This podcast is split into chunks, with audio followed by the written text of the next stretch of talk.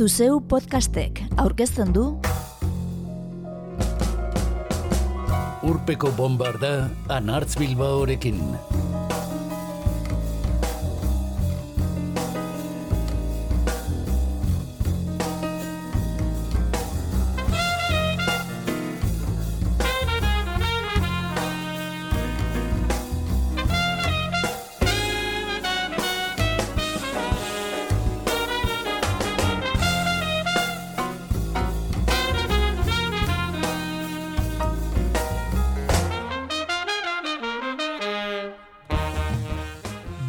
Hogeita iruko martxoaren bian zendu da Wine Shorter saxofoi jolea.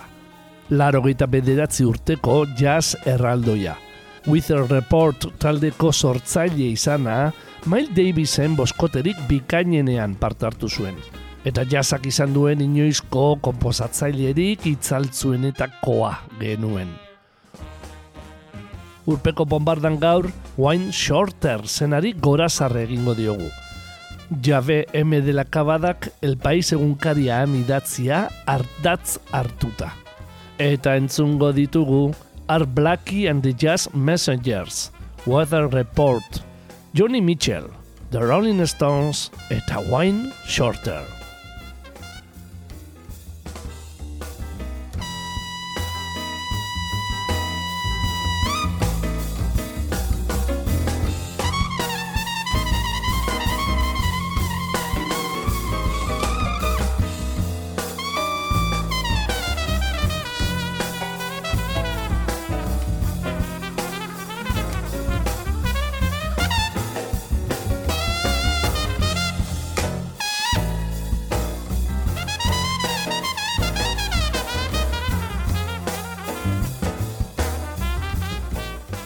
Hogei garren mendeak eman dituen artista bikainenetako batzuk, jazz musikariak izan dira, dio dela kabadak. Gutxik erakutzi zuten baina Wayne Shorteren maixutasuna. Saxofoi jole giza zein kompositore giza izan, soinu berrien eraikuntzan zein amarkada luzez estilo ezberdinetako referentziazko figura giza izan, beste musikari batzuk laguntzen zein bere talde propioaren gidari izan, arlo guzti guztietan nabarmendu zen Wayne Shorter. Nekez neur daiteke jazz modernoan izan duen eragina.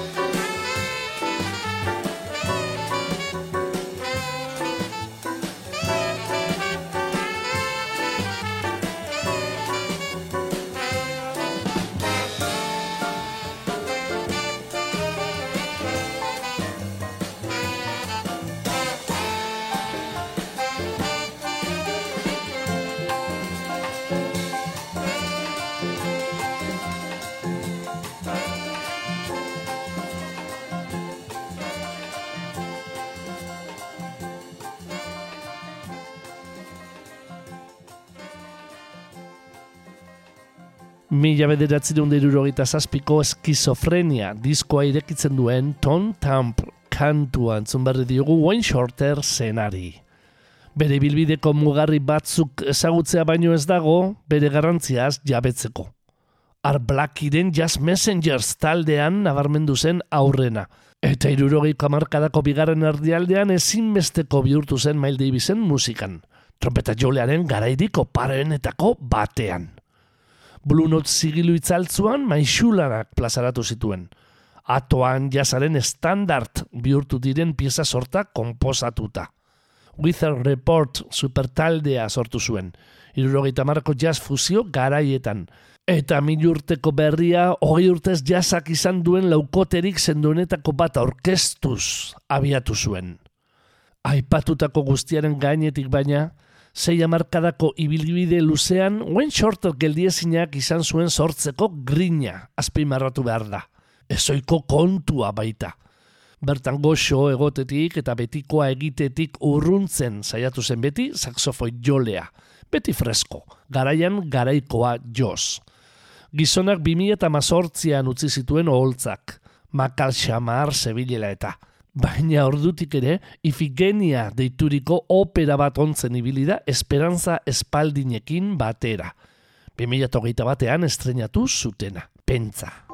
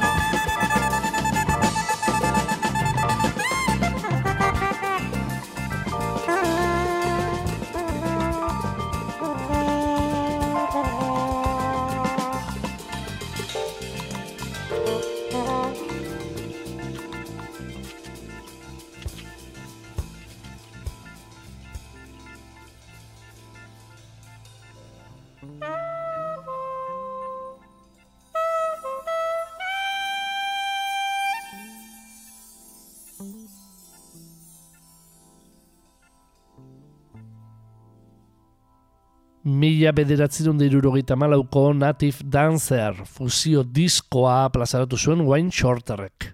Teklatuetan Herbie Hancock laguna, perkusioetan Ayrton Moreira eta hotzean Milton Nascimento lagun zituela. Azken biak Brasildar musika izarrak dira. Brasildar aireak baita kartza entzun berri dugun Lilia gordetzen duen lanak. Wine Shorter mila bederatzerun hogeita mairuko abustuaren hogeita bostean jaio zen New Jerseyn, Ameriketako estatu batuetan. Klarinetea jotzen hasi zen putz eta putz, baina saxofoi tenorera aldatu zen goiz. Gaztea zela, Art Blackie perkusio joleak Jazz Messenger talde itzaltzura deitu zuen. Eta elkarrekin harboparen lanik azpimarra garrienetako batzu kondu zituzten lau urtetan. A Night in Tunisia, Like Someone in Love, edo Mosaic, beste batzuen artean. John Coltrane'en itzala itzela zen ordurako saxofoi jolek artean, baina shorterrek sekulako eskarmentua hartu zuen bakarlari gisa. Estilo propioa garatu zuen, esaldi laburragoekin, eta tonu lodiagoarekin, nola baita esateko. Arblakiren Jazz Messengerreko zuzendari artistiko zela, gerora jazz standard bihurtu diren piezak ere ondu zituen. Jarraian entzungo dugun Lester Left Town berbarako.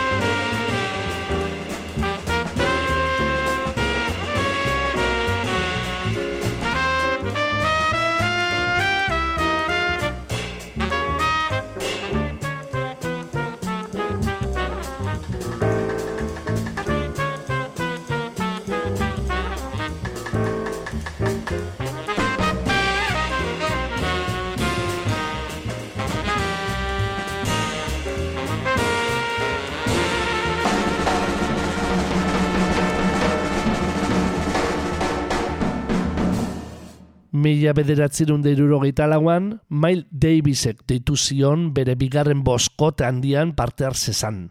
Gerora jazz garaikideak eman duen talderik garrantzitsuenetako bat izango zena. Mail Davis, trompetan eta gidaritzan. Herbie Hancock, teklatuetan. Ron Carter, kontrabasuan. Tony Williams, baterian. Eta Wayne Shorter bera, saxofoian. Miles Smiles edo Nefertiti bezalako lanak plazaratzen ditu boskoteak. Eta raldoi bihurtu Shorter. Miles Davisen imaginariorako ezinbesteko bihurtzen da. Garaiko saxofoidik originalena baita. Trompeta jolearen boskotean jo bitartean gainera, Wine Shorterrek zenbait maixulan plazaratu zituen Blue Note sigiluan talde propioarekin. Speak No Evil edo Adams Apple. Bi baino ez aipatzearen. Mila bederatzirun dirurogeita zeiko azken lan honetan jasotzen da saxofoi jolearen kompoziziorik ezagunena. Eta jazaren historian gehien jo direnetakoa. Footprints. Footprints.